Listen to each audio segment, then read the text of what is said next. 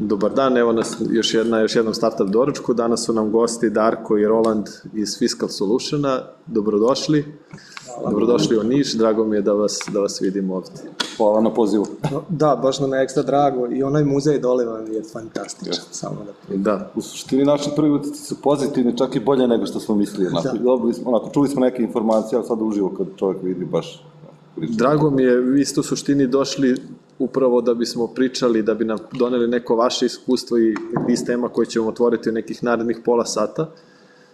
E, mi smo već počeli da pričamo o nekim odnosima, o saradnji, čak smo se videli i, i u Lisabonu, tako da je dosta tera, tema otvoreno. Vi ste videli kontekst, juče ste stigli iz Novog Sada, je li tako? Tako da videli ste kompanije koje su tu, pretpostavljam da će njima nešto biti zanimljivo, pa možemo da pričamo i da vi njima prenesete iskustva, s obzirom da je i naša tema kako stići do, do internacionalnih tržišta, pa ništa, je to, ajde dobrodošli još jednom i eto možete ukratko nešto da, da mi kažete vezano za, za, za vašu kompaniju i čime se bavite i kakvi su neki vaši planovi. Super, hvala. Ove, ovaj, možda da krenemo sa predstavljanjem nas ko osoba. Tako. Možda ti da kreneš, da. pa onda ću ja. Mogu ja reći. Ja sam Roland Ališevski, ja sam počeo rano da se bavim računarima, to mi je bio hobi od osnovnoj školi. To je bilo 86. kad sam kupio računar, još se sećam, bio je 26. novembra. Dakle, ovaj, kad sam kupio prvi računar, i godinama se tim bavio, zašto sam srednju školu ovaj, računarsku u Novom Sadu gimnaziju i onda posle elektrotehnički fakultet. Ja sam radio par godina ovaj, u outsourcing firmi, nekoj gde sam dosta tehnologija prošao i na kraju sam se našao sa kolegom Darkom, više jednom koleginicom koja nije prisutna, i onda smo nekako počeli firmu. I to je nekako neki, aj kažem, zbiljni početak. Pre toga sam promenio, kažem, par nekih firmi gde sam prošao kroz različite teme. Inače, 19 godina već ovaj, zajedno, što isto da. tako nije baš tipično za, ni za start-upove, ni za kompanije, da jedna menadžmentska struktura i vlasnička struktura ostane tako dugo, isto što je kod nas slučaj, ali pričat ćemo i o tome kasnije. Ja sam Darko, rođen u Novom Sadu, živeo u Slavonskom brodu, studirao elektrotehniku u Nemačkoj, e, zajedno s Rokijem onda otvorio kompaniju i danas u principu živim na relaciji Hamburg-Novi Sad. Tako da je, i, i radim na toj relaciji, tako da mislim da će biti vrlo interesantno danas da pričamo o internacionalnim tržištima, zato što u principu mi kao kompanija i ja kao osoba smo vrlo internacionalni. Znači 99,9% mušterija su nam internacionalne mušterije, a krenuli smo kao startup iz Novog Sada. Tako da ovaj, mislim da će vam ta priča biti vrlo interesantna. E, imam dva psa i dve mačke, znači Zoom meetingsi su mi jako teški za održati ih, ali čisto da znate i to se može. Ovaj, četvoro dece, tako da je buka u kući uvek nešto se događa. A danas ćemo vam pričati priču iz pravog života. Znači, na kraju ćemo pričati o tri saveta, naravno, kako mi to radimo, ali mislim da ćemo dati 33 saveta. Ovaj, zašto? Zato što ne postoje tri saveta. Ovo, ja sam u principu ovaj naslov izabrao da bi imao neku vrstu clickbaita, kao što na YouTube-u, ono, pet saveta kako da postanete bogati za pet minuta. ne, neće biti baš tako jednostavno, ali ne ni tako problematično. Znači, ono što bi želeo danas, odnosno nas dvojica, da vam prinesemo, je tema kako se postaje internacionalna kompanija. A to nisu samo tri saveta, to je malo više, e, što nije uopšte nažalost, nego dobro. Mislim da imate jako lepe predispozicije da upravo to i ostvarite, a ja ću vam pričati i mi ćemo vam pričati o našim iskustvima i koje smo probleme imali s čim smo se susreli. I na kraju ćemo nekako i završiti na tri saveta, ipak sam ja to probao, onda posle te stvarno i budu tri saveta, i možda na kraju jedan onako, jedan savet koji se tiče LinkedIna, zato što nam je LinkedIn jedan od jako važnih uh, platformi na osnovu kojih dolazimo do lidova i kupaca, pa ću vam tu ispričati kako mi to radimo. Pošto u doba korone, naravno, i svega što se događa, morali smo naći alternativan način prodaje, a LinkedIn nam je pomogao. Ali mislim da je današnje vreme lakše ipak nego pre 19 godina. Apsolutno. Što je uopšte strano tržište mnogo bliže nego pre 20 godina, to je bilo nekako mnogo teže zakazati i popiti kafu s nekim. Da, danas je u doba interneta nekako Jeste. sve ti globalno selo, sve nam je dostupno, za dva minuta može da se dogovori sastanak. Dobro, operativni i sastanci su u redu da se dešavaju online, ali čini mi se dok se ljudi ne vide strateški dok ne, ne razgovaraju, nekako ne može. ono To je najveći uvek izazov doći do čoveka i naći njegovih pet minuta. Znači nije problem tehnički realizovati sve to, nego uopšte ovaj, neko, kod nekog izazvati pažnju i ovaj, da uopšte uspemo Kad da smo, zakažemo sa stavom. kad smo već krenuli od LinkedIna, od kraja prezentacije, pročitao sam jednu jako interesantnu usporedbu sa LinkedInom, odnosno šta je LinkedIn, objašnjenje LinkedIna. LinkedIn je kao dating aplikacija, znači tamo kod Tinder možete da zakažete sastanak, ali na, na date morate da odete sami. Znači to nije završetak, to je početak. Tako da tu treba malo da se promeni perspektiva, što mlađe generacije možda to baš u momentu tako i ne doživljavaju, nego razmišljaju da mogu da završe sve od početka kako su krenuli virtualno, a nažalost to baš nije moguće. Vi to je ste ideja za danas. spremili, spremili neku prezentaciju. Naravno, tako? ja da vas udadim u pravu. Da, da, da profesionalno. prođemo kroz to, onda ćemo Da. i kroz razgovor. A ako vam imate ikakvi pitanja u momentima kad prezentujemo nešto slobodno, zato što ja znam da čovek gori od želje da pita nešto kad je neka informacija ovaj, tu vidljiva, tako da slobodno. A i nama će biti draže da imam neki Jeste, da kontakt. bude malo interaktivno. Rekao sam vam tri saveta, da, da na kraju ćemo zaključiti tri saveta, ali u principu je to malo drugčije. Da bi došli do egzekucije tri saveta e, i kako da se one u principu primene, mora kompanija da bude spremna za to. A već vidite šta to znači, e, slajdovi nisu na srpskom. I sad to neko možda zvuči onako, možda to niste ni primetili, zvuči onako sasvim normalno, na engleskom su ok ili su na srpskom, kakve to ima veze, ali ako imate viziju da u jednom momentu postanete e, kompanija koja radi sa internacionalnim kupcima, od početka vam sve interno u kompaniji mora biti orijentisano ka tome. Drugim rečima, naš interni jezik od prvog momenta, znači od 2003. kad smo krenuli, je bio engleski ljudi su govorili ste vi normalni, mislim u kompaniji, srpskoj kompaniji koristite engleski, a danas ja vadim dokumente iz naftalina i šaljem ih mušteriju u roku 3 sekunde. Zato što nemam prevodioca, nemam nikakvih međukoraka, mogu neposredno i brzo da reagujem na sve što tržište traži. Znači, to je već onako prva tema setapa o kojoj ćemo malo više pričati. Pored setapa koji ima, koje mora da postoji, mora naravno postojati egzekucija koja onda u skladu sa tim internacionalnim tržištima koje ovaj, želite da osvojite. Danas sam video ov- ovaj prostor ovde koji je fantastičan, ovo je bio naš prvi ured, ovaj kolega tamo s desne strane, to je Roki, pre 20 godina, a ova kolegica s leve strane, to je naš financijski direktor koji je isto tako i danas još uvek u kompaniji.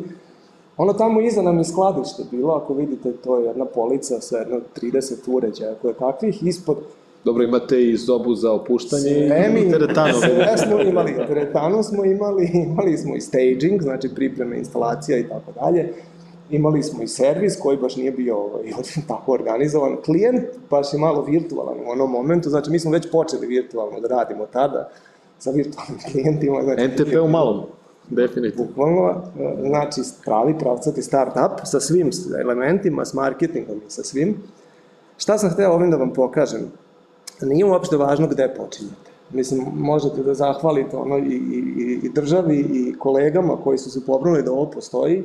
S ovim uslovima možete daleko više da postignete, naravno. Ali na kraju nije to to što vas tera ka uspehu, niti je to što će vam pro- promeniti život ili internacionalizirati biznis, to mora da izađe iz vas. A to ćemo pričati sada u kontekstu ta tri saveta. Ali da smo mi u ono vreme imali ovakvo okruženje, možda bi danas bili drugi orakl. Ko zna? Ili prvi orakl. Ovaj, Da, to je često pitanje nekako, da li, da li nas uslovi i ta odlučnost, da li uslovi ili nas odlučnost nekako vodi ka cilju? Jer čini mi se da nekad, kad imamo sve, nekako smo uljuljkani, a kad se borimo za nešto, onda je, onda, em se sa ovog vremena sećamo sa setom i sa dosta anegdota, A kad je nekako sve date, sve što nam je lako date, uvek, uvek je posle, manje se ceni. Tako. Tako da možda, ne, ne bih rekao da je ovo formula za uspeh, ali čini mi se da kada su veći izazovi pred nama, oni nas u suštini kale za veće pobede. Ali, apsolutno se slažem i to je odlična tema za diskusiju, ali moram da kažem da je problem s kojim se ovako mali startup kao što smo mi bili ili ste možda vi mali startup, ne znam, ovaj, susreli su vrlo slični. Mi smo morali tu kiriju da platimo, svejedno. Kao što vi danas morate da platite svoju kiriju. Znači, nije toliko problem bio prostora, meni je bio problem da osiguram da mogu da platim kiriju i da ću je sutra moći da platim. Tako je. Znači, nije mi toliko bio važan prostor, nego sredstvo s kojim ga napravim. A to sredstvo, doći do sredstva, to je veliki problem. I to je ono To da je čemu... kontinualno. Jeste, to je ono što je, što je problem. A neko ima sreće pa osigura sredstva za super ovaj prostor, a neko ima manje sreće pa skrene iz garaže ili još gore nego što je ovo.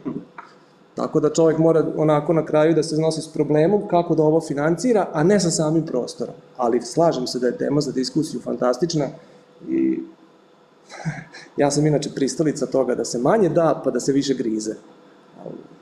Svako ima svoje sudbe. Znači, onako smo krenuli, gde smo danas, čisto da vam dam par informacija. Mi smo danas kompanija koja je prisutna na 22, e, u 22 zemlje ovoga sveta. Surađujemo sa skoro svim postojećim velikim trgovcima, isključivo su nam veliki trgovci, e, kupci i oni koji surađuju sa njima u kontekstu IT-a. Šta to znači od trgovaca od Walmarta u Americi pa do giganata kao su, što su JD.com u Kini, većina njih, recimo jedno 60% na svetskom tržištu su nam kupci, što je vrlo interesantno. Da, sam, ja bih samo napomenuo dve stvari. Prvo, nemamo kancelarije 22 države, mada se to Da, vidi da. slajda. A drugo što bih napomenuo jeste šta znači biti prisutan. To ne znači da mi prodajemo isti produkt u 22, nego mi imamo produkt koji je prilagođen svakoj državi po osob. To je različito. Nije isto prodavati jedan produkt pa preko interneta pa imate kupce Da, da, u da. 22 Da, da, države. odlična tačka. Je li tako? A mi, znači, imamo produkt koji je jedna, ajde da kažem, jedan složen sistem koji se pravi praktično za svaku državu po nosu pojedini moduli. Znači, u suštini mi smo prisutni sa produktom koji je customizovan za 22 države. To je velika razlika, odnosno da imate kupca da prodajete, ne znam, ne- neku sliku na nekom Evo primer, pa da to... pa da prodajete. Može pitati, Da, da, da, da, li da, da. krećete od produkta pa vidite kojoj državi je najlakše Odlično to prilagoditi ili krećete od države koja ima veliki market koji obećava pa gledate da onda prilagodite? Super pitanje, ajde moramo o- ući u strategiju i filozofiju ako kompanije. odmah Ne, ne, ovo te kasnije. odmah ću ući zato što je jako, jako važna tema, jako važno pitanje. E, Kada čovek krene sa kompanijom, mora da postavi određena pravila za ponašanje, za svoju viziju, ostvarenje svoje vizije u kompaniji. Recimo, naše pravilo, jedno od osnovnih je bilo još uvek jeste, znači 20 godina je prvo projekat, a onda investicija. A to je velika razlika u odnosu na normalno, recimo procesno, kako generalno i, i uobičaja, uobe, uobičajenije Da. kompanije startaju. Većinom osiguraju prvo investiciju, pa onda izgrade produkt, a mi smo išli zbog projekta koji onda možda dođe, možda ne dođe. A mi smo od- odabrali teži put, da prvo krenemo sa projektom ne imajući produkt, pa onda pravimo produkt. Znači, to je skroz drugčiji put, što znači da je teži i sporiji, sigurniji, no? i si- ali daleko Zato što imaš potražnju, pa onda praviš Jeste. nešto što treba. E, ali iza ovoga se krije jako, jako velika i jako važna tačka filozofije kompanije. A zašto? Zato što čovek uvek tendira da se meri sa drugima. I sad ja gledam recimo jednu vegu koja je svakom pojam na tržištu, koja ima 1200 radnika, koja je narasla u roku 3 godine, 4 godine sa 50 radnika na 1200 radnika i čovek kaže ja bih želeo da narastem tako brzo, tako velik da budem. E, to ne znam koliko uvek dobro i koliko pametno. Mi smo namerno izabrali drugu vrstu puta. Znači jednu vrstu puta gde nas krize ne mogu uništiti, gde promene na tržištu, a pričat ćemo o njima, ne utiču na naš, na naš uspeh ili neuspeh. Zato što imamo dovoljno kupaca, imamo kupce, nemamo financijske ovisnosti o drugima, nemamo investitore, nemamo, sve smo iz vlastite snage odradili, zato što smo imali prvo projekat, pa onda investiciju iz vlastite snage. Znači, ni jedan jedin kredit nismo uzeli, ni jednog jedinog investitora nema. A krenuli smo sa nula eura. I odmah da vam da postavlja se pitanje, naravno već ga vidim u očima, e, kako je moguće krenuti bez nula eura? Zato što svaki normalan čovjek prvo misli, prvo mi treba gomila para, pa onda te pare koje imam investiram u ljude, pa, a imam ideju i onda mi ti ljudi proizvedu ideju, pa ja tu onda ideju plasiram na tržište. Tako svaki čovjek, normalan čovjek razmišlja. Mi smo obrnuto to radili. Krenuli smo iz nula eura. Bukvalno iz nula eura. To je bio druga, druga filozofska tema, da ne uzimamo kredite nikakve, da se ne financiramo iz nikakvih pomoćnih sredstava, nego sve iz vlastite snage. A pričat ćemo o tome i dalje. Prvo da vam dam još pa... Ja sam odgovorio na pitanje. Da, da. Super. Znači, ko su nam kupci, kako to funkcioniše, recimo, uzet ćemo za primer nemačku kompaniju Deichmann, koja proizvodi, odnosno koja je prodavač cipela, oni su u 22 zemlje prisutni. Da bi oni svoje radnje otvorili, na primer, u Portugalu, oni trebaju to rešenje, poslovno rešenje koje imaju, moraju ga lokalizirati naravno u kontekstu tamošnjih zakona, bankarskih sistema, plaćanja, sistema plaćanja, uobičajenosti na tržištu, kako funkcionišu mušterije i tako dalje. Mi smo se fokusirali na samo jednu jedinu tačku svih tih potreba, a to je fiskalni zakon. E, mi smo to krenuli u principu 2001. 2003. otprilike, e, gde u to vreme fiskalni zakon u Srbiji još ni nije bio toliko, ovaj, čak tek je počinjao, ako se dobro sećam, Tako da smo mi prepoznali problematiku fiskalnih zakona na internacionalnom tržištu pre nego što se on pojavio u Srbiji. To je sad još jedna filozofska tematika, da bi kompanija bila pravo uspešna, mora da prepozna promene tržišta pre nego što se one dogode. A mi smo prepoznali te, temu fiskalizacije, krenuli da razvijamo svoj softver i sad kompanije kao što su Deichmann kupuju naše module da bi im bilo lakše da, da, da, da otvore na kraju svoju radnju u Portugalu. Ne moraju da implementiraju to u svojim poslovnim sistemima koji su ogromni, nego kupuju naše module koji već imaju te integracije, koje su već certificirane na tržištu i tako dalje, što im smanjuje naravno trošak. I sad dolazimo do treće tačke koja je važna u smislu setupa kompanije, da bi kompanija bila uspešna mora da rešava konkretan problem. Inače nećete moći da prodate svoj produkt. Ako je problem nek, te prirode, da ga svako rešava i da ga je lako rešiti, nećete se moći specializirati i fokusirati i onda ne možete ni razmišljati o internacionalnim tržištima, zato što je tamo ta bitka za fokusirano rešavanje problema još i veća nego u Srbiji. Doći ćemo i do toga. A kompanije kao što su Oracle, kao što su Microsoft, oni isto tako kupuju naše rešenje, a njihov je interes da u svoje rešenje ugrade naše rešenje i onda ga prodaju tim internacionalnim trgovcima s kojima mi ni ne kontaktiramo u tom slučaju, ako su njihovi trgovci. Znači, u principu smo izgradili dva tržišta. E, trgovce i one koji poslužuju trgovce. A oba dvama rešavamo problem, a to je da su brže na internacionalnim tržištima sa manje investicije. Pričat ćemo više o tim detaljima nešto kasnije. U donjem redu vidite tri grupe, tri organizacije svetske, jedna je OMG, druga je ICC, a treća je IDS.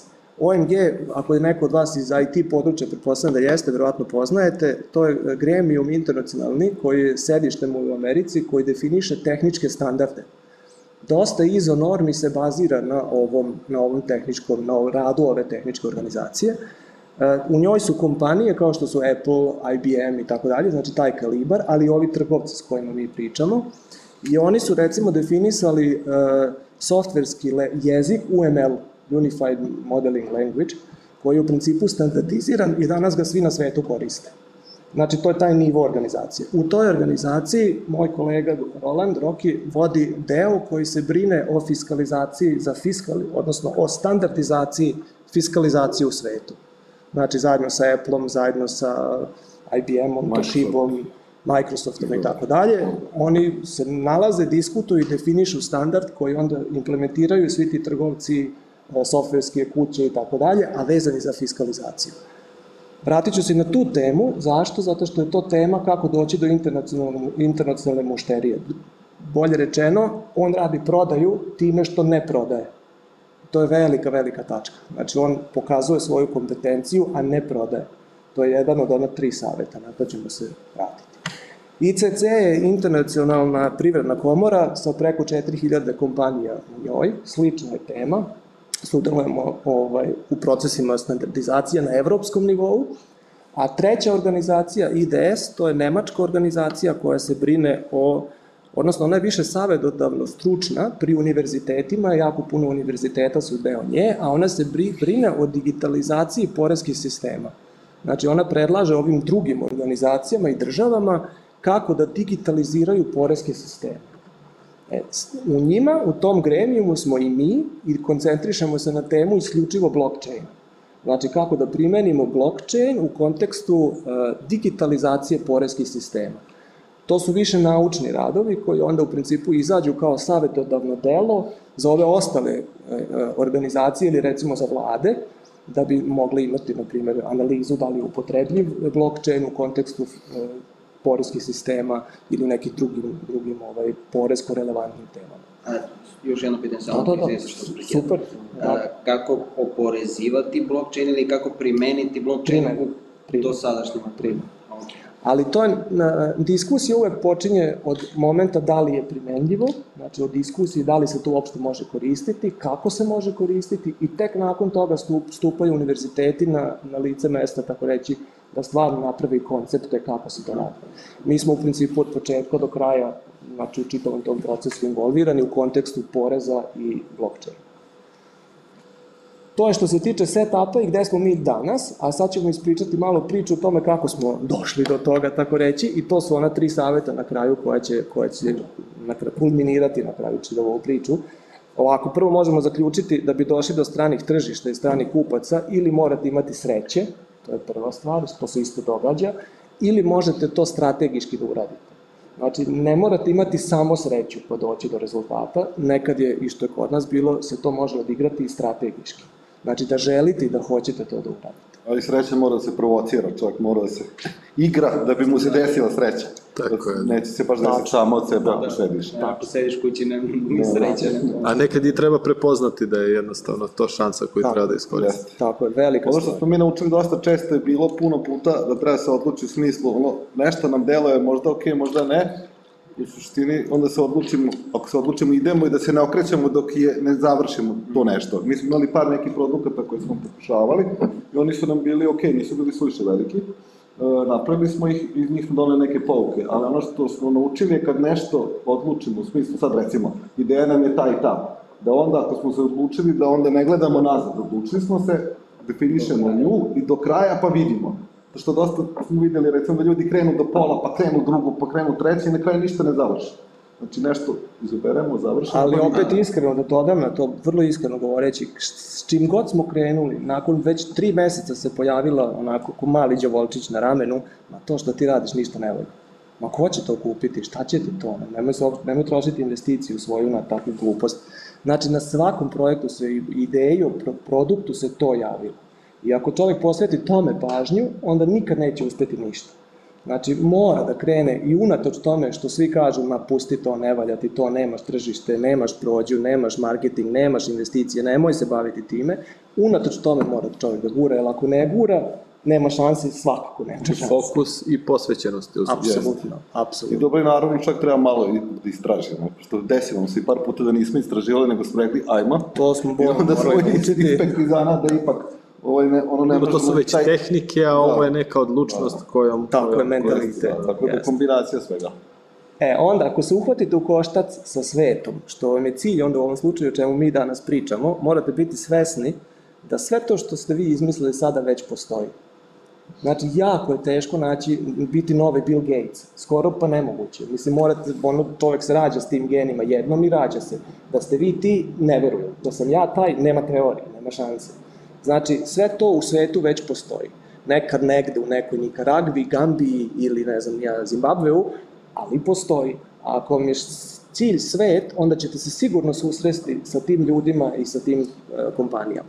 Ali, uh, postoji jedna stvar koja je, sve to su ok, sve je to isto i to smo možda konkurenti, ali jedna stvar je vaš unique selling point, bez obzira koji produkt imate. A to ste vi.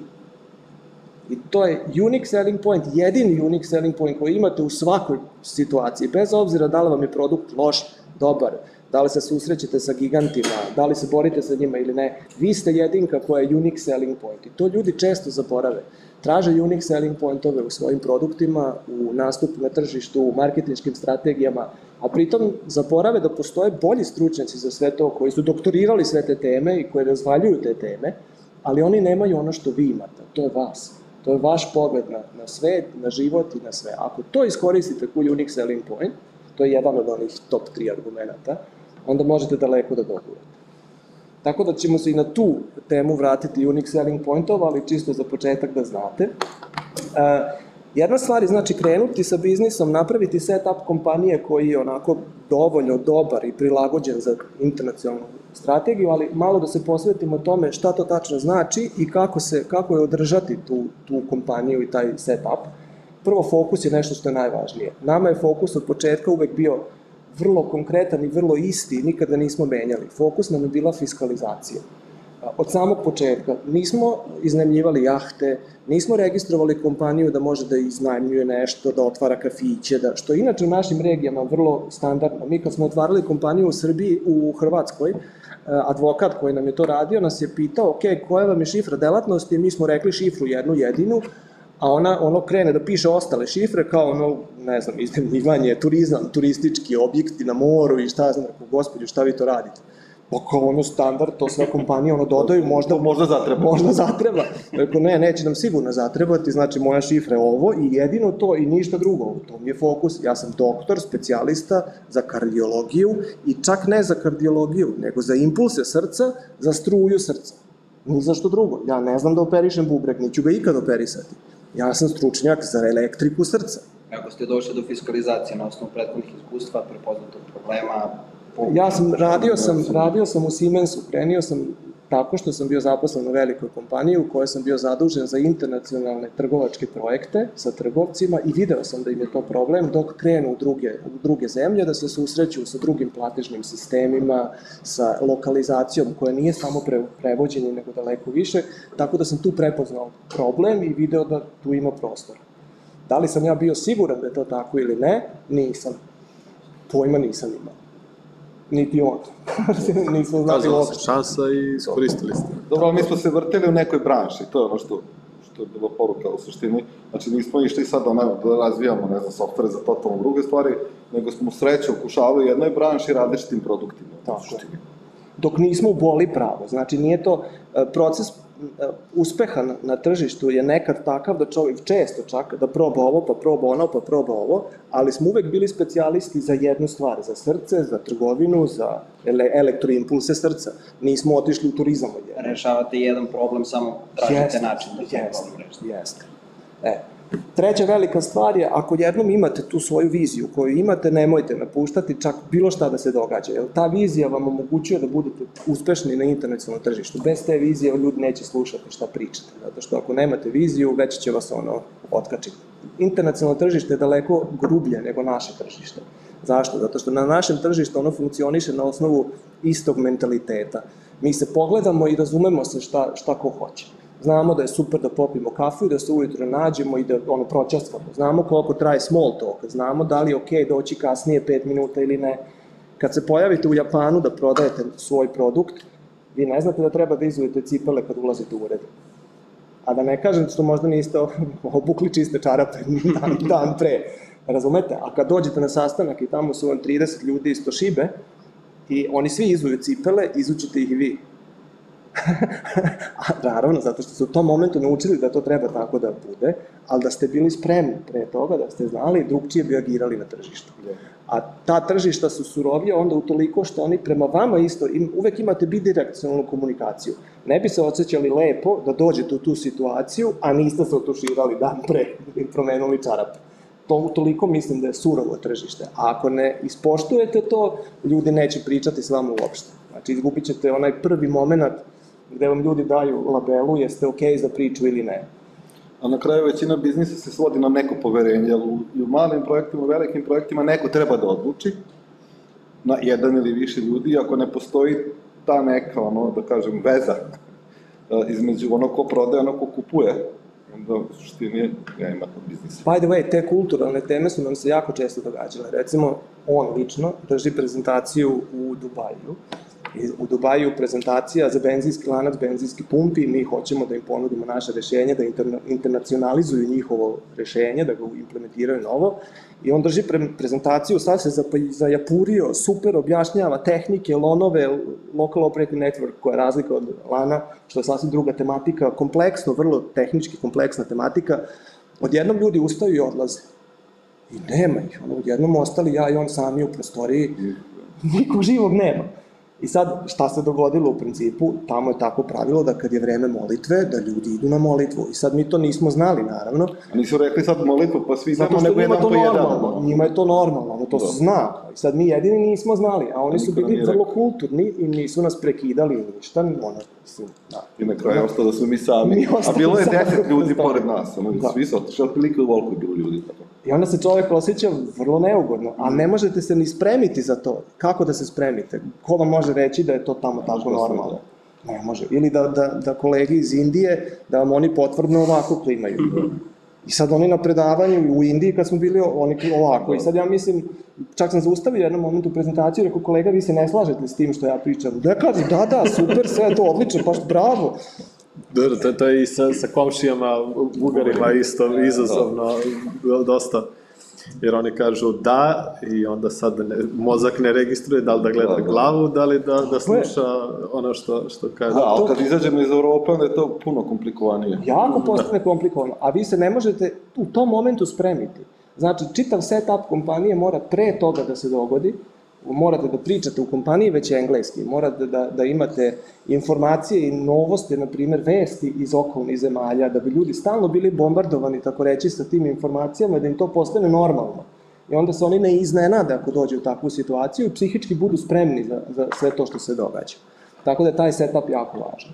Slabost mušterije, o tome ćemo pričati kako doći do prave mušterije, to je u principu tema, sorry što ja sad svašta nešto drugo pričam.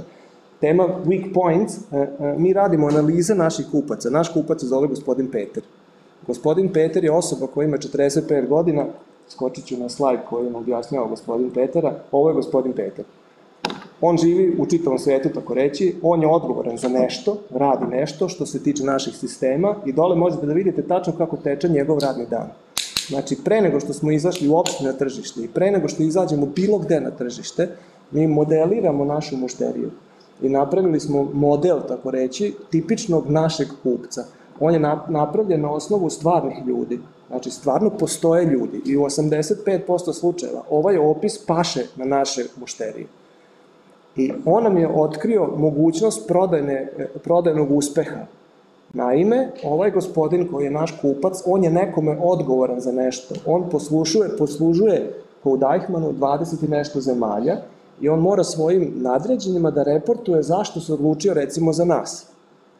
Ta odgovornost, zašto se odlučio za nas, to mu je slaba tačka.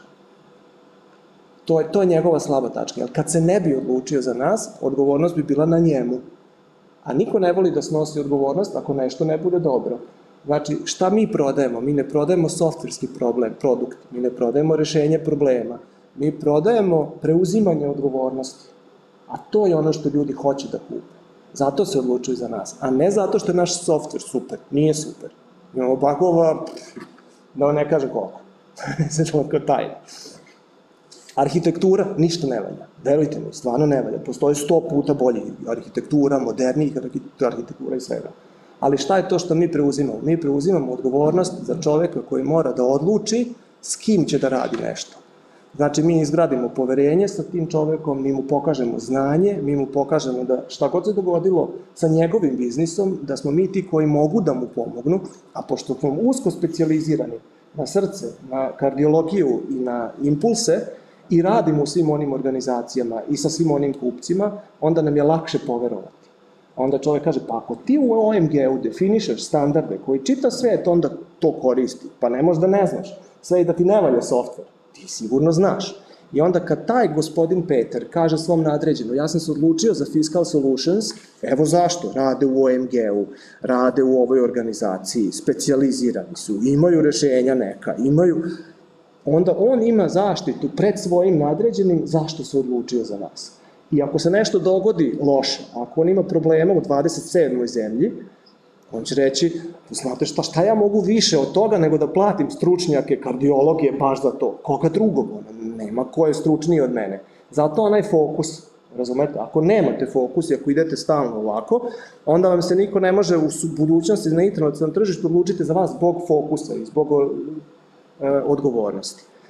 Ali ovo je jako, jako važna stvar, mislim, siguran sam da, da ćete znati o čemu pričam. A ako ne znate model vaše mušterije, nećete znati šta da mu ponudite. Pođimo od običnog primjera. Moj akaunt na Twitteru se zove Profesor Keating. Zašto? Zato što je deo Web3 organizacije sveta, filozofije i tako dalje. Pričat ćemo i o tome. Većina ljudi na tom koji posećuju taj akaunt su između 23 i 30 godina stari. Znači nisu ovaj, ovaj kupac, nego su drugi kupac. Ako bi ja tim kupcima, koji su između 23 i 30 godina starosti, ponudio odgovornost i sigurnost odgovornosti, oni bi me ovako otkačili. Njima to ne treba, njima treba avantura, njima treba mogućnost brzog novca, njima treba mogućnost zadovoljstva, entertainment, mimovi i sva ta čuda. Ovome treba sigurnost, on je 45 godina, on ima porodicu, ima decu, ima e, nadređenog, on neće da izgubi posao, a ovaj sa 23, on bi da rizikuje. Zato je jako, jako važno znati ko je kupac, istražiti tržište i za njega ciljano, bukvalno ovaj, raditi strategiju. Naš se čak i zove gospodin Peter.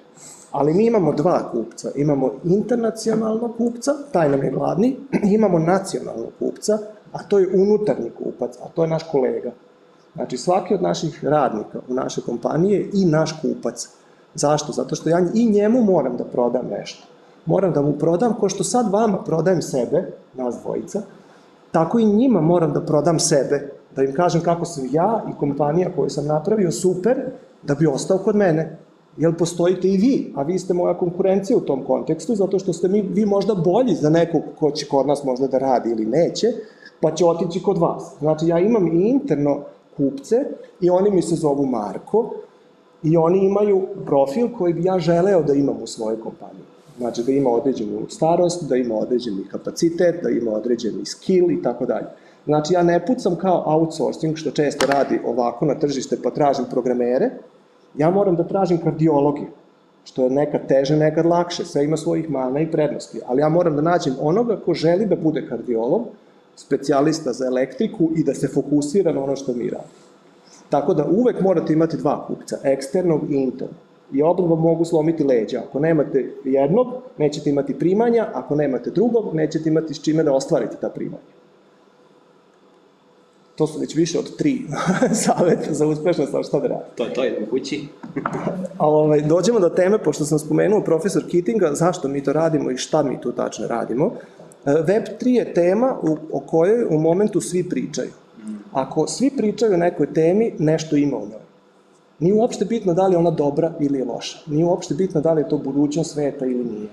Ali ako vaša mušterija, vaš gospodin Peter, ili Petar, u momentu priča o toj temi, za njega je ona interesantna i ona njega zaokupira. Ako vi niste u stanju kad se sretnete sa njim, kao što smo se sada sreli, da promenite tri reči o tome, pošto to njega u tom momentu impresionira, on je u momentu u tome, a vi ne možete ni small talk da obavite u tom kontekstu, vi ne možete da ostvarite poverenje. Znači, hteli vi ili ne, tržište određuje šta vi volite, a šta ne volite i na šta treba da se fokusirate, a ne.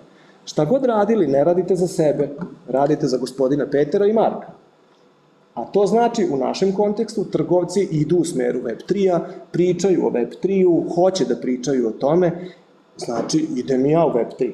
Da li ga ja volim ili ne, nema nikakve veze. Slučajno ga ja volim, zato što je interesantna tematika, ali i da ne volim bio bi tamo, zato što ga oni vole. E sad je pitanje jedino kako ga iskoristiti za svoje prodajne procese. U našem kontekstu ga mi iskorištavamo u tom smeru da dolazimo do novih kupaca.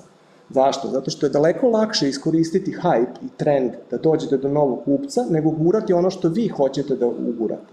Ja kad bi pričao sa, recimo, kompanijom kao što je Bugatti, koja proizvode ne auta, nego torbe koje proizvode, nije moja mušterija i jako nam je teško doći do odgovorne osobe. Zato što ona sedi negde u nekoj zemlji, u ovom slučaju Italija verovatno, i to je neki gospodin Francesco, kako ja da dođem do njega? Sad ja iz Srbije zovem, dobar dan, ja sam Darko Pavić, dajte mi molim vas Francesca koji je odgovoran za prodaju širom sveta u 48 zemalja. Znate koliko daleko dođete? Dođete do portirnice i to je to. Nikad Deci, dalje. Nema dalje. Razumete? Znači da očito nije to put, ne može da bude put ako hoćete na internacionalno tržište. Trendovi otvaraju vrata. Trendovi su nešto što je e, ono što vam otvara mogućnost da idete dalje, da dođete do gospodina Francesca, zato što on pokazuje, on želi da se profilira. Svaki čovek ima jednu manu, manu, nije mana, ali onako karakteristiku. Svako od nas želi potvrdu. Znači, želi da mu ja kažem, Roki, ja, a što si to dobro odradio svaka ti čast, onda on procveta. On meni kad to kaže, ja procvetam. Kad ja vama kažem kako ste super, vi procvetate. Znači, Francesco traži potvrdu nas, da mu mi kažemo, Francesco, pa što si ti pametan, što ti znaš kako Web3 funkcioniše, svaka ti čast. Znači, ja samo moram da slušam gde je taj Francesco priča o tome što, koju hoće potvrdu da dobije i da mu je dam. Ako mu je dam dva, tri puta, on će primetiti. Zato što voli svaka čast. I to je moj ulaz kod Francesca. I kad koristite LinkedIn, tu je trik za korištenje LinkedIna. Kad koristite Twitter, tu je trik za Twitter. Nije trik u tome sad ja odjednom postanu mi svaki dan po 10 postova, pa mi ono 12 lajkova. Sad se ja radujem svakom lajku, super. Ne, cilj je saslušati gde se taj Francesco hvali, dati mu potvrdu da vas primeti i onda polako stupiti, uh, napraviti mrežu oko njega, tako reći i stupiti u kontakt. Tu mrežu koju se, koja se plete oko, oko tih ljudi smo mi nazvali ZAK. Zašto ZAK? To nam je mim bio kad smo kretali, zato što nema veze s ničim. Zašto? Zato što svi stručni ljudi imaju neke skraćenice za nešto. OMG, ICC. I onda smo mi mislili, pa sad svi imaju skraćenice za nešto, kako mi nešto, daj da mi neku skraćenicu imamo za tu marketinšku strategiju, prodajnu strategiju. I onda njegova ideja bila ZAK. A rekao, što ZAK? Ono, pa ništa je to lepo, ZAK. Tako da naša interna strategija pletenja mreže oko akaunta tog tipa se zove ZAK. Pa možda će nas jednog dana fakulteti, ono, pred, predavanje, znate, e, sad ćemo pričati za metode gospodina Žali, sve, ne. Koliko traje od prije, mislim, pretpostavljam da se razlikuje od kupca do kupca, ono, otprilike, da li imate neki okvir koliko traje od toga kad locirate ko je to oko koga hoćete da gradite zak do trenutka kada ono prodate. Što je čovek... Šta... Dok se. I baš tako, to je dobra Da, stvar. da. Što je čovek sujetniji, onaj ko, na koga ciljamo, to je proces kraći. Znači, što on više želi da bude viđen, to, ga, to je brže i lakše doći do njega. I na osnovu toga već i prepoznate ko želi da bude viđen i kako želi da bude Znači, viđen. Peć, pi, Petar je sujedan, Petar baš. Pa, ali svako to želi, svako želi da mu se kaže jao što si pametan, jao što si stručan, jao što si lep, jao što si simpatičan. To svi vole, naravno. I ljudi koji to žele da čuju, oni to traže. A socijalne mreže su fantastične mesto da se to traži. Vi samo treba da slušate i da odgovorite na to. E, zato je kod nas profesor Keating, a dole levo, u, u levom ćošku vidite kulminaciju tog procesa, a ona se zove podcast u principu. Šta sad radimo? Sad kupimo sve te koje smo sakupili preko profesor Keatinga, koji, su, koji žele da se profiliraju, koji žele da se pokažu kao nešto i dajemo im platformu da to stvarno i urade. Znači, od januara startamo svakog 25. Se proslo vodu. Ne, ne, ne, bio bi se čaša duša. Ovaj, dajemo im platformu, znači svakog 20, svakog, svake srede, svake nedelje ćemo jednog od tih ljudi koji žele da budu sujetni, da se pokažu, dati im mesto da se profiliraju, pošto sad već imamo i Reach, ima 30 ljudi koji ne slede na jednom akauntu, desetak hiljada na drugom, znači već su gomile ljudi i sad nam je lakše dati im Reach da pričaju o sebi. I sad se oni počinju lepiti u principu i odgovarati na pozive, ne znam, Bugatti je dobar primer bio, sad će on, taj gospodin CEO Bugatija, će u sredu, ne znam sad tačno kog, 7. februara, nešto tako, ovaj, biti nam gost, ja ću voditi podcast i pričat ćemo jednostavno o budućnosti Web3-a u trgovini. Ništa drugo, znači bit će small talk, časkanje, kako on vidi svet u Web3-u i kako ja vidim svet u Web3-u. Znači, naš, meni je cilj da dam njemu platformu da se profilira, zato što on to želi, on to voli, super, hvala. Ovaj, a meni je cilj da mu pokažem kako sam ja pametan. Da on kaže, joj, što ovaj momak super. A kad on to kaže, onda će mi biti lakše da prodam svoj produkt. Zato što će istu stvar reći kad bude otvarao radnju u, ne znam nija gde, u nekoj zemlji, pa ovaj, e, će morati da razmisli o rešenju koje će koristiti u toj zemlji. Zato Web3. Ja bih samo još dodao jednu stvar, da u našem slučaju je to dosta ovaj, kompleksno iz jednog razloga što taj produkt što mi imamo, on je specifičan što njega neko treba kad mu država to propiše. Ili nije impuls kupovina, nego proces. Tako, nego proces. I onda smo imali slučaje da taj zak traje po dve, tri godine. A bukvalno po dve. Recimo, mi sam s Ikeom, dok nismo desili prvi projekat, na četiri godine smo petljali, petljali, pili kafu, družili se. Jer prosto, njemu, on- njemu je to trebalo kad je otvarao Srbiju. I to je bio klik. Ali kad se otvori Srbija, kad vidite novinama da se otvorila Ikea, onda je već gotovo. Da. A vi ne znate kada oni počinju projekat. I onda smo mi četiri godine pre toga održavali kontakte povremeno i čekali smo momena da se desi. I onda kad se desi, onda smo leteli. A to je bukvalno kratko vreme, ono, mesec, dva, tri kad se odlučuje. E, tako da naš, u našem kontekstu slučaju, u našem produktu to dosta dugo treba sad. Da vas ne davim puno, evo tri saveta. Pošto smo obećali tri saveta kao clickbait, evo tri saveta. Prvo, nemojte prodavati. To je sad ono, naravno, svakome se to, ono, kao kako da ne prodajem, kako da dođe do kupca ako ne prodajem. Ne prodaje produkt, ne prodaje rešenje, čak ni rešenje problema, prodaje osoba, a ako osobu prodaje, onda prodaje njena kompetentnost. Znači, pokažite kompetentnost, a nemojte organizirati prodaju u smislu idem sad te prodajem, tašna mašna i kao sad ću ja zvati nekog, to vam neće pomoći. Pokažite, pokažite kompetenciju. E, ispletite me zak oko kupaca, a to je druga tačka u principu, budite tamo gde su kupci. Znači, ako vam kupci u momentu vise na LinkedInu, idite vi na LinkedIn. Nemojte misliti da je glup LinkedIn, neki je glup, šta vas briga je glup ili nije. Ako su svi tamo, idite vi tamo. A ako su svi na Twitteru, jašaju na Twitteru 100 dana, idite vi jašite na Twitteru. Znači, uopšte nije bitno da li vi nešto volite, nego je bitno gde su vam kupci, zato ga morate znati, zato morate znati gde je gospodin Petar i šta on radi kad se probudi i kad ustane i gde visi, da li visi na Twitteru, na konferencijama, na sajmovima ili ko zna gde i idite tamo. Čak i ako ništa, budite cvećka, nije bitno. Znači, čak i ako ste negde u ćošku, evo tu ovako i sad tu primetit će vas ljudi, ne brinite ništa, znači, ali budite tu. Moj jedan rođak koji je isto samostalan, ima fabriku peleta u Bosni, on je rekao sledeću stvar, ovaj, dok sam ja pored vatre, ja ću se ogrejati. I to je stvarno tako. Znači, ako ste tu negde gde se priča o parama, o biznisima, o onome što vi volite i želite da radite, nemoguće da se ne ugrejete. Tu je vatra, tu gori. Znači, to je ovaj drugi savjet. Strpljenje se ovdje. Treći je strpljenje, budite strpljivi. Ja znam da, da je svakom, ko, i nama je bilo isto tako, ja, kad ćemo sad prodati, daj mi ono neki kupca, ono, nemam platu da platim, ono, nemam kiriju, nemam da kupim opremu, nemam ništa, ono, daj kad će više, ono. Te momente izdržite jedino sa strpljenjem, doći će moment. Vi ste unique selling point, ako imate produkt za koji živite, čak nije neophodno ni da je najbolji, ima bolji produkt uvek, budite sigurni ali ako ste vi strastveni za taj projekat, za produkt i ako je to deo vas, doći će moment. Ljudi to prepoznaju. Ljudi to prepoznaju. Pa čak i ako ste cvećka koja je pored nekog prostora, vi zračite drugčije. Treći savjet, i na kraju sam vam obećao algoritam za LinkedIn, ovako ga mi radimo, to je u principu ZAK. Kao prvo identifikujemo ko je naš gospodin Peter, ima ih puno, ima različite su naravno.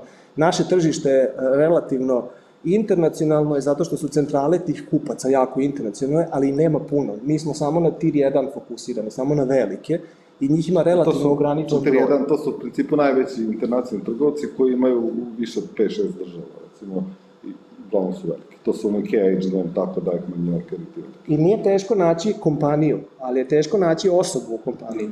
Jedan H&M ima, ne znam, 30.000 radnika Jedan Walmart ima neko... Ne samo to, nego strukturu, strukturu uopšte nije ona klasična struktura, imaš ono IT menadžera, pa jedan, drugi, treći pa piramida, nego pogotovo ti šveđani imaju često... Odličan primer. Jako kompleksno, ono, e, organizacija odlučivanja, tako da u suštini jako teško identifikovati ko je onaj ko donosi odluke, a ko je onaj ko prikuplja ponude ili prikuplja i istražuje tržište. Pazite kako Ikea, Ikea i švedski kupac, kako oni odlučuju jako su demokratska kompanija i oni u principu u momentu odlučivanja ili nešto pre, pre odlučivanja sastave gremi od ljudi koji su na neki način involvirani u tematiku nakon te odluke, koja implicira nešto, i ti ljudi su u tom nekom demokratskom gremijumu da donesu odluku.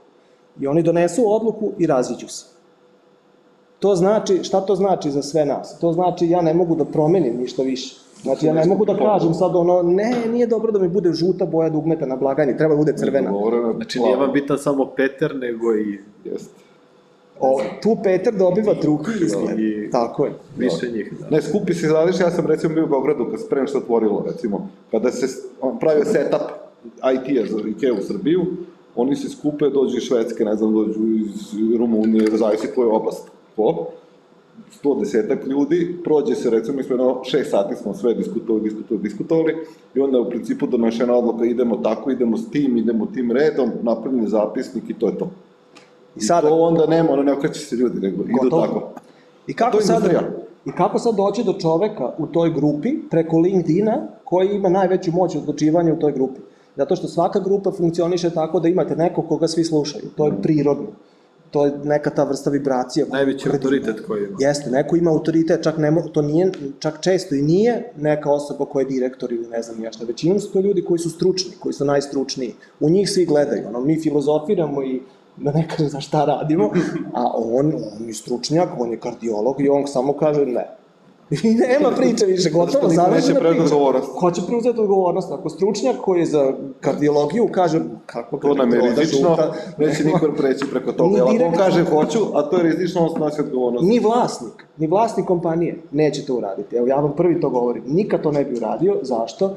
Zato što on na kraju treba to da, impre, izvini, ja sad stalno na tebe pokazuje, znači, taj stručnjak treba to da implementira. A ako mu ja kažem kao nadređeni gazda, vlasnik, šta god, te ti to uradi, kako će mi on to uraditi i šta će uraditi. Nije sigurno pametno, pametnije reći, ok, ti si stručnjak, ti si rekao, idemo kako ti kažeš. Ali onda on snosi odgovornost. A to je slaba tačka za prodaju. I njega morate naći, tog koji snosi odgovornost. To je prva tačka na LinkedInu, nađi njega. Znači, tog ko je stručnjak za to. A onda idemo sa zakonom. Onda promatramo, prvo ja, ja lično to isto radim, jako rado, promatram najmanje tri meseca šta on radi šta postanuje, gde postanuje, kako postanuje i približavam mu se pažljivo, idem ko maca oko vruće kaše. Samo malo lajkam, pa mu post, po, po, pošaljem poruku, ono great, pa na, odgovorim, pa ono that's nice, pa... Znači, ništa posebno, ne ulazim u velike diskusije, ništa, samo da vidi da je tu neka budala koja stalno prati šta on radi. I onda, šta se događa? To je čista psihologija. Ja svako jutro volim da idem da trčim i prolazim pored jedne autobuske stanice. Na toj autobuskoj stanici jedna gospođa koja je starija, ta gospođa ide na posao. Ja sam svako jutro toj gospođi rekao dobro jutro. I nije potrebno, tri nedelje ja sam stao da popričam sa njom i mi smo pričali ko da se poznajemo, ono već 100 godina i ona meni ono žali se, ne znam nija šta se događa, kasniće na posao, gazda će se ljutiti, ovo ono. Samo zato što sam joj svako jutro rekao, ej, dobro jutro. Uprotočavajući, znači čak nisam joj posvetio ni veliku pažnju, nego jednostavno dobro jutro. To je ta psihologija, to je ta strategija.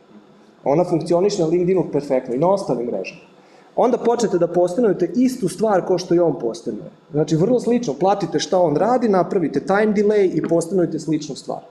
I dogodi se situacija da, pošto vas algoritam gura tako, on vas vidi šta vi postanujete, a pošto sam postanuje nešto i želi da se profilira u tom smeru, on će reći, vidi što ovaj pametan. Znači, uopšte nema veze da li vi to stvarno mislite ili ne, ali on stalno postanuje kako je uh, jako lepo imati zimu i sneg i vidi kod mene da ja kažem snega, sneg, zima je super, on će reći, pa ovaj čovek mi odgovara, na isto smo vibraciji, tu smo, volimo sneg. Da. A znači, a ništa mu nisam poslao, nisam ga pitao, evo, ćeš kupiti moj produkt. Ništa, ništa, ništa još, nemojte slučajno to da uradite. To nema Onda sa par meseci se ispostavi da vi baš imate proizvod koji je njemu potreban. Sasvim slučajno. Sasvim slučajno. Spojila vas je viša sila, da. Uopšte mu ne kažeš ništa. Ni u jednom momentu. Ni u jednom momentu. Znači, od te uh, bliskosti koja se stvori kroz dobro jutro kako ste, pa do bliskosti koja se stvori preko toga da imamo isti interes, volimo sneg, zimu i tako dalje, pa do stručnosti gde, koju ja s vremena na vreme pokažem, koje su njegove bolne tačke, trgovina, pro, problemi, padaju marže, ne može da zaradi dovoljno, a ja počnem da kukam kako se razvija trgovina u lošem smeru, kako to baš nije dobro, onda on kaže, vidi, on razume moj problem.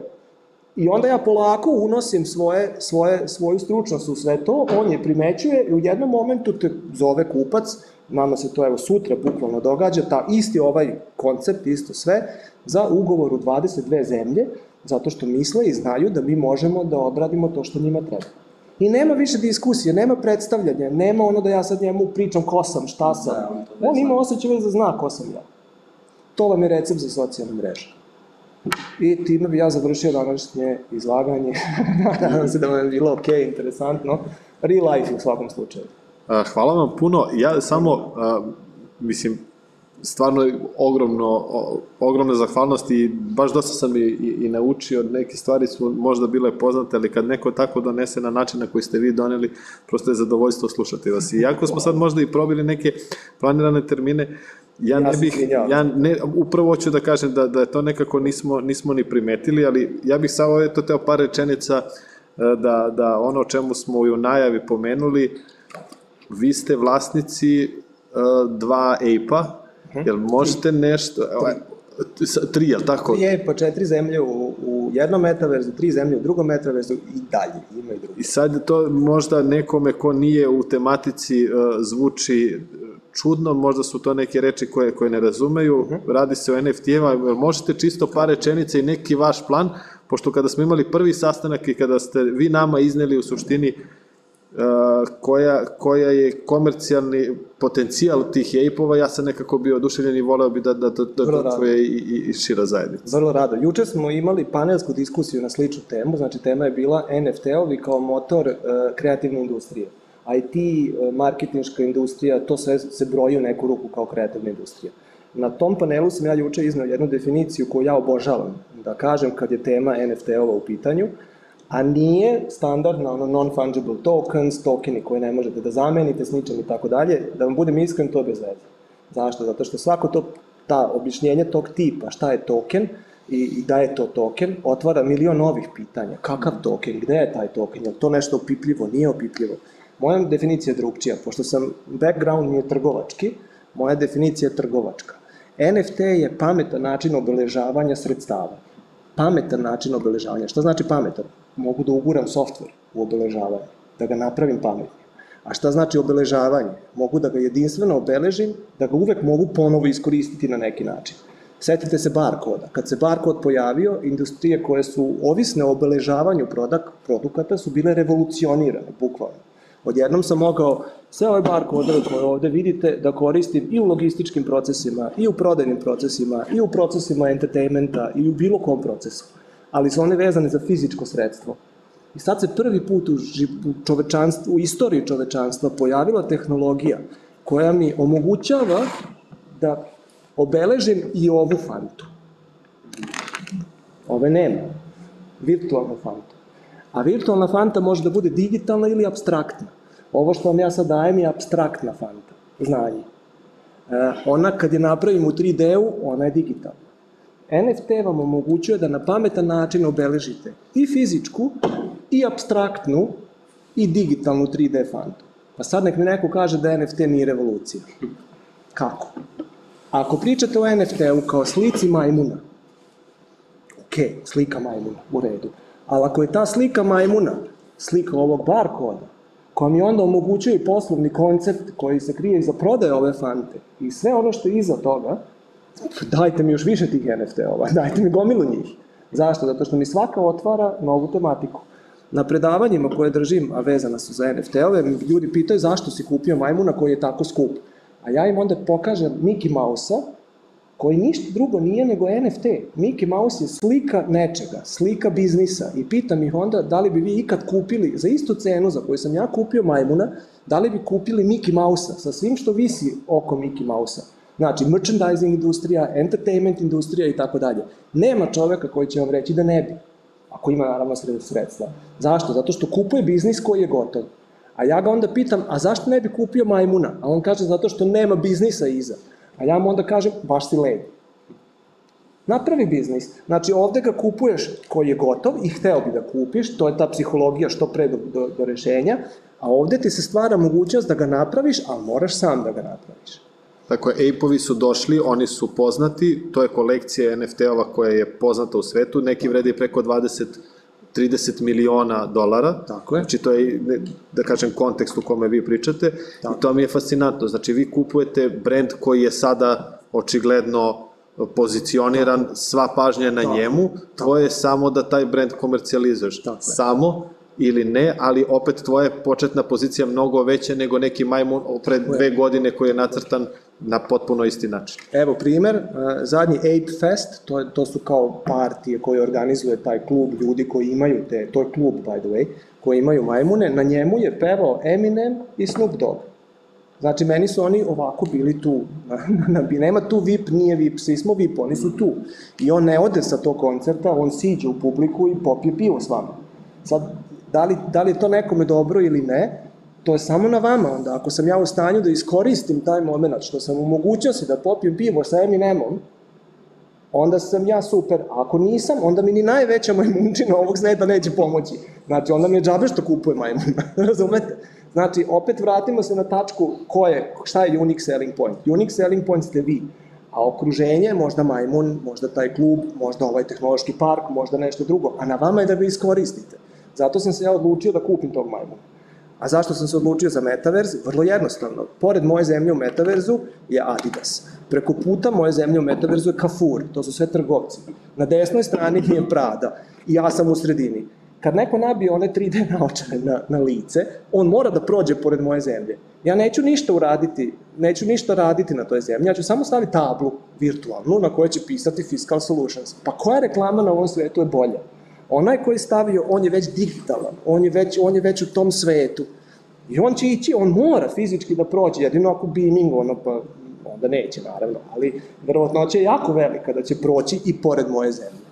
Pa nema jeftinije reklame od jednog itera za zemlju u momentu u sandboxu. Jedan iter vam je u momentu 1200 dolara. Koju reklamu na ovom svetu možete da platite danas 1200 dolara da vas vidi ciljani kupac? Nema šanse, svaka dodajete barem još jednu nulu iza. Zato sam ja kupio. Ne zato što ja hoću sad da budem ono metaverse, sad ja nešto. Nego imam reklamu, prolazi pored mene, a pored vatre sam. A setite se one izjave, ko je pored vatre, on se i ogre. Eto. Svaka, svaka vam čast, stvarno svaka čast. Hvala vam puno na, na tome što, što ste bili naši gosti. Neverovatno, mislim, upravo to, e, iskreno i posvećena priča oseti se, tako da to je moj najjači utisak sa ovog starta doručka. Sada ćemo da odjavimo ovaj deo koji se tiče snimanja, koji ide na društvene mreže Vrlo i prelazimo u neformalni deo. Hvala vam puno još jednom. Vrlo rado, hvala vama što ste bili tu i što ste slušali sve ovo do, do vodoštine. Vidimo se, čujemo se. Hvala. Nadam se da vas nisam udavio.